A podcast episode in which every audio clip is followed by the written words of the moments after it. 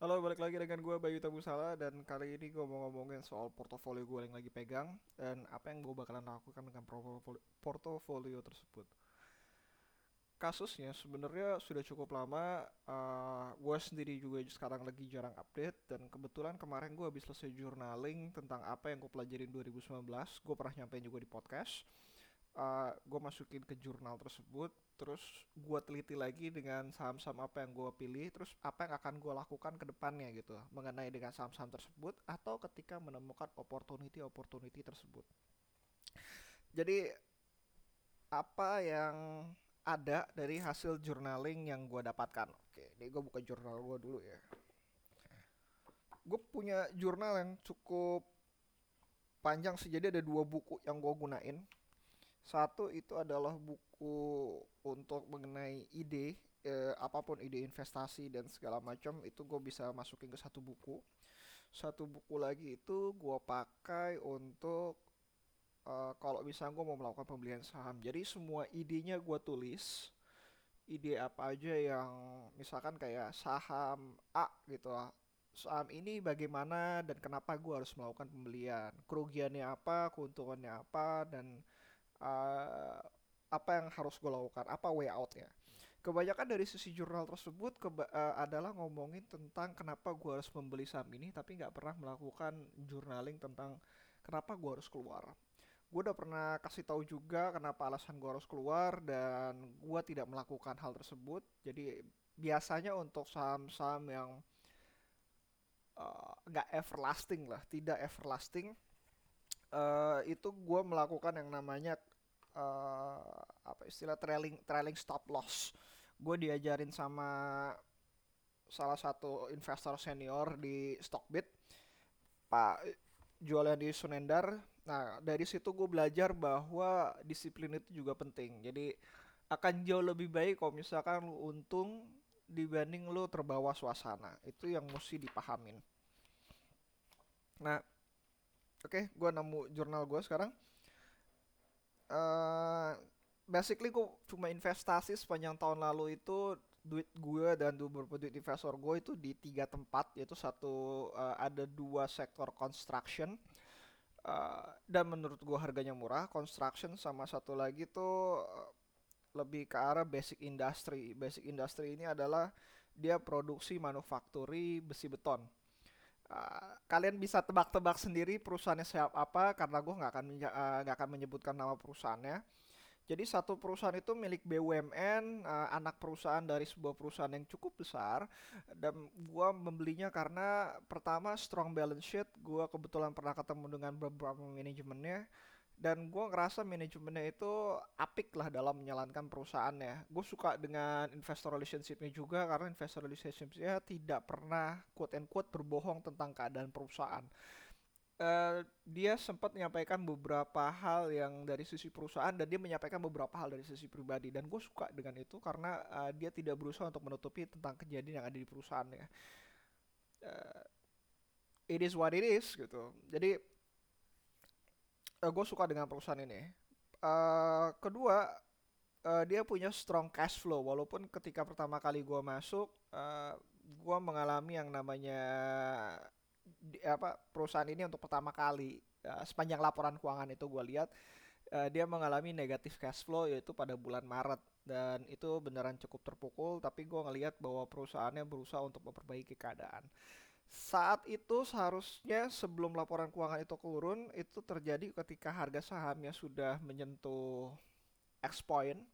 Gue beli dan waktu itu sudah cukup untung mungkin sekitar 80-90 persenan. Dan ketika turun sampai 15 persen ke bawah harusnya gue jual tapi gue ngeliat bahwa perusahaan tersebut masih cukup murah. Ingat gue punya tiga skematik di mana yang pertama adalah uh, waktu untuk membeli waktu untuk bertahan dan waktu untuk menjual, waktu untuk membeli. Dan menurut gua uh, masih dalam rentang waktu untuk membeli. Rentang waktu untuk membeli itu ketika harganya masih gue bilang cukup murah. Tapi uh, balik lagi ini bakalan gua revisi mengenai waktu untuk membeli. Karena waktu untuk membeli dengan waktu untuk menjual itu bisa menjadi satu. Ketika saham intinya adalah bisa di override ketika saham tersebut turun 15% yang gue lakukan adalah gue menjual saham tersebut Kenyataannya enggak karena uh, kenapa gue tidak melakukan penjualan? Pertama, uh, eh, gue masih beranggapan itu masih murah. Kedua, gue masih koleksi juga saham tersebut karena ketika saat saham tersebut di gue beli lagi, gue koleksi lagi. Ketika itu gue beli di PI 3 uh, masuk ke PI 11 dan ketika di PI 11 gue masih bilang itu cukup murah uh, karena rata-rata industrinya bisa di PI 15 dan kalau misalkan ngelihat dari sisi cash flow-nya dibagi terhadap total aset yang dia miliki termasuk hutang dan segala macam itu masih mencerminkan uh, lima kali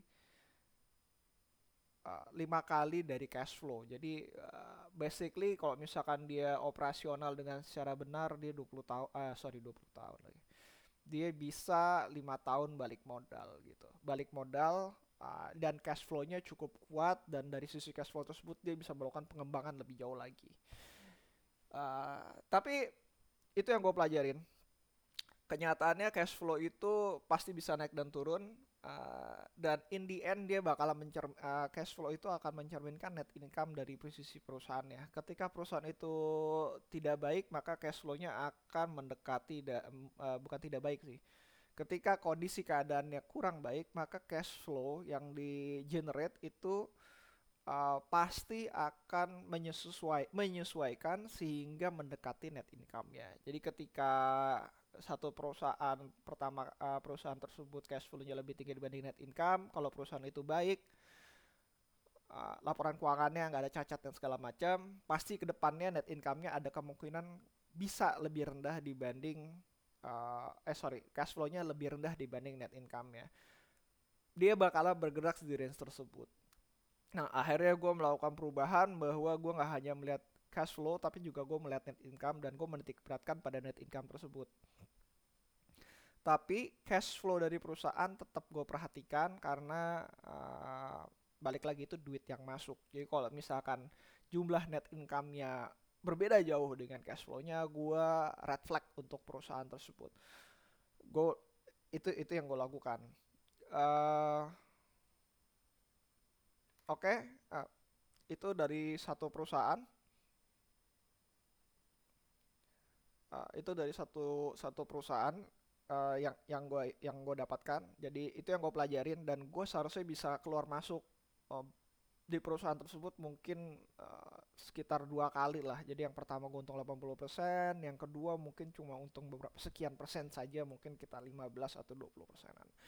Tapi dan again gue melewatkan opportunity tersebut karena gue jatuh cinta terhadap sahamnya, gue jatuh cinta dengan transaksinya. Sorry. Dan gue tidak melaksanakan apa yang harus dilaksanakan. Pertama adalah trailing stop loss itu penting. Dan harusnya gue sudah keluar dua kali uh, kedua bahwa trailing stop loss itu akan mengoverride uh, jangka-jangka waktu tersebut apa uh, momen-momen waktu tersebut momen momen membeli momen bertahan dan momen untuk menjual. Itu akan mengoverride uh, momen-momen tersebut. Terus itu yang pertama. Uh, seharusnya kalau misalnya gue untung 80% kurangin 15 nggak nggak kurang 15 mungkin sekitar 60% aja. Jadi gue kehilangan 20% tapi kan uh, jauh lebih baik dibanding keadaan sekarang. Gue masih pegang saham ini dan posisinya net loss. Uh, eh, gue akuin net loss karena nyungsep cukup parah. Uh, harganya jadi murah dan gue koleksi lagi. Oke okay? itu satu perusahaan. Yang kedua adalah perusahaan milik swasta milik swasta salah satu konsorsium terbesar. Gue suka karena cash, uh, hampir mirip-mirip dengan perusahaan BUMN ini. Hanya saja waktu itu gue ngebet untuk uh, karena waktu itu gue tahu bahwa construction itu lagi dititik beratkan kepada BUMN dan perusahaan ini lebih banyak mengambil proyek-proyek swasta.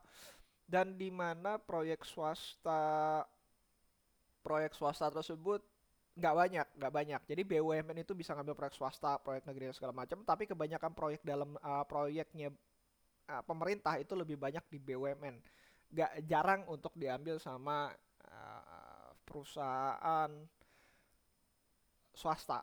Jadi waktu pas gue mendapatkan perusahaan ini gue seneng banget dan gue ngelihat bahwa kemungkinan besar dia bisa bertahan bertahan di uh, penjualan kurang lebih sekitar a billion rupiah.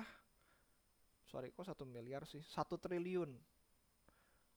Jadi a triliun rupiah. Jadi kayak satu dia dia bisa melakukan penjualan selama uh, satu triliun. Satu triliun gue ngeliat dari bottomnya dan gue ngeliat kalau misalkan terjadi peningkatan kayak let's say 15% mungkin akan berpengaruh pada harga sahamnya. Dan gue ngerasa hal tersebut cukup baik uh, cukup aman gue investasikan. Problemnya adalah problemnya adalah ini gue sambil ini ya apa catat ulang lagi apa yang gue obrolin jadi ada ini.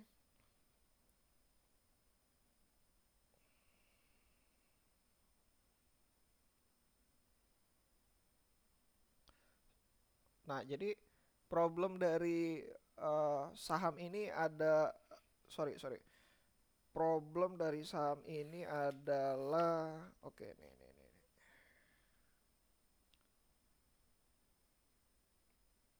likuiditas. Sorry gue ngulang berapa kali. Jadi uh, likuiditas dari perusahaan saham tersebut itu cukup jelek. Jadi gue untuk masuk dan keluarnya juga cukup sulit. Yang seharusnya akhirnya gue merasa bahwa perusahaan ini jauh lebih beresiko dibanding kenyataannya. Uh, eh, gue ngelihat dari pengalaman gue kalau misalnya perusahaan bagus walaupun dia likuiditasnya kecil dan ketika likuiditas apa ketika perusahaan itu membaik likuiditasnya akan uh, cenderung ada tapi bisa aja seperti uh, eh, BFI Finance di mana perusahaan itu gue bilang cukup baik uh, tapi likuiditasnya nggak apa nggak nggak pernah ada gitu. Likuiditasnya nggak pernah ada. Gue nggak paham dengan itu juga tapi itulah itu yang itu yang terjadi dan kenyataannya seperti itu. Nah, solusi yang gue tawarkan untuk perusahaan ini sebenarnya adalah satu bahwa uh, eh, gue masih gue gue nggak waktu pas gue ber, berinvestasi pada perusahaan ini gue lupa dengan dengan kata-katanya Mangger bahwa tidak peduli dengan perusahaan itu bagus sekali dengan manajemen yang cukup baik kalau misalkan industrinya jelek perusahaan tersebut akan jelek jadi sebenarnya manajemen yang penting fair-fair aja, dia nggak perlu manajemen terbaik seluruh dunia, karena in the end perusahaan tersebut akan dipegang sama manajemen yang buruk-buruk juga. Nah, uh, perusahaan konstruksi yang swasta ini menurut gue manajemennya cukup baik, cukup baik, cuma dengan industri yang buruk. Bukan industri konstruksi yang buruk, tapi dia penempatan positioningnya itu cukup buruk. Dia sebagai eh, bukan BUMN, uh, perusahaan swasta di mana dia tidak dapat proyek dari uh, pemerintah sehingga pertumbuhannya cukup apa uh, terhambat. Jadi nyaris tidak ada pertumbuhan sama sekali. Itu yang pertama gue mesti ini. Ini masuk kategori saham yang menurut gue lebih beresiko dibanding yang pertama. Uh, gue beranggapan bahwa mereka tidak beresiko, tapi ternyata setelah gue pikir-pikir lagi dia ini masuk adalah kategori beresiko. Nah, ketika mas uh, kita kok gue memasukkan kategori ini beresiko seharusnya gue membatasi jumlah uang yang gue masukkan gitu. Saat ini seingat gue itu porsi kita ada sekitar 15% di saham di saham ini di saham kategori beresiko. Kategori beresiko itu totalnya ada sekitar 30 persenan uh, 30 sampai 40 persenan di mana 15 sampai 20 itu ada di satu saham ini ingat tadi kita udah pegang tiga, jadi satu perusahaan yang benar-benar bagus itu yang menurut gue bagus dan harusnya bisa keluar masuk berapa kali itu porsinya hanya 60% saja. Uh, 60% sisanya itu diambil alih oleh perusahaan yang beresiko ini. Nah, jeleknya di situ dan gua untuk ke depannya akan membatasi diri gua ketika perusahaan ini sudah di red flag bukan di red flag maksudnya sudah di lampu kuning kalau red flag gua udah nggak mau masuk uh, lampu kuning bahwa ini ada upsize yang uh, oke okay dengan kondisi perusahaan tersebut ada resiko yang uh, yang harus dihadapi seperti likuiditasnya kurang, lalu industrinya kurang baik. Nah, itu gue membatasi diri bahwa yang masuk kategori ini adalah total harus cuma 20% dari portofolio gue doang. Harusnya gue nggak pegang 20%, harusnya gue pegang uh, di bawah 20%. 20% untuk uh, total semua yang beresiko. Jadi kalau dua saham ya mungkin range-nya antara 5 sampai 10 untuk satu saham, yang lainnya sisanya gitu. Itu yang gua harusnya uh, pikirkan bahwa uh, akhirnya gue melakukan namanya portofolio uh, balancing porto, portofolio ya istilah gue melakukan portofolio balancing di mana gue memunculkan ada kategori saham beresiko pada awal gue melakukan investasi gue selalu beranggapan bahwa semua saham itu yang gue pilih adalah saham-saham yang tidak beresiko jadi gue menutup mata bahwa likuiditas itu sebenarnya resiko. Gue menutup mata bahwa uh, perusahaan yang turn around company kayak uh, yang masih struggle dengan industrinya adalah tidak beresiko juga. Karena kenapa? Karena gue memilih perusahaan yang balance sheetnya kuat dan gue hanya menunggu waktu ketika perusahaan itu bangkit. Tapi di dunia kenyataan tidak seperti itu jadi harusnya gue memasukkan dia ke kategori bahwa ini beresiko. Karena bangkit itu sulit dan walaupun balance sheetnya kuat gue hanya mengharapkan balik modal kalau misalkan di situ. Sedangkan pada perusahaan yang benar-benar wonderful company seperti yang pertama kali gue ambil itu gue mengharapkan untuk untung yang jauh lebih besar. Saat ini masih negatif saat ini negatif ketika gue uh, ketika waktunya waktu tersebut gue pernah untung mungkin sekitar 20 sampai 30 persen dan harusnya gue keluar atau menurunkan kadar resikonya. Jadi uh, jeleknya adalah ketika waktu itu ketika untung dan gue waktu itu sadar bahwa ini perusahaan beresiko gue beranggapan bahwa perusahaan ini masih akan terus bertumbuh uh, sehingga gue menjaga jumlah uh, jumlah presentasi di portofolio gue harusnya itu gue kurangi uh, gue kurangin ketika ada uh, posisinya untung untung dan gue baru uh, sadar bahwa ini perusahaannya tidak terlalu uh, baik lah uh, kondisi industrinya. Uh, then again ketika low profit semuanya berbicara berbeda dan akhirnya emosi lumayan uh, musuh terbesar investor itu sebenarnya adalah emosi untuk mengendalikan diri nah itu yang sulit sih sebenarnya uh, lo dan gua itu punya masalah yang berbeda tentang emosi tersebut. Di sisi gue sendiri gue beranggapan bahwa investasi harus tidak tanpa emosi. Benar, uh, ketika gue beli gue nggak ada emosi. Ketika gue jual uh, gue muncul sedikit emosi. Ketika untung tuh ada emosi juga dan itu yang sulit. Jadi gue masih harus belajar menahan emosi gue.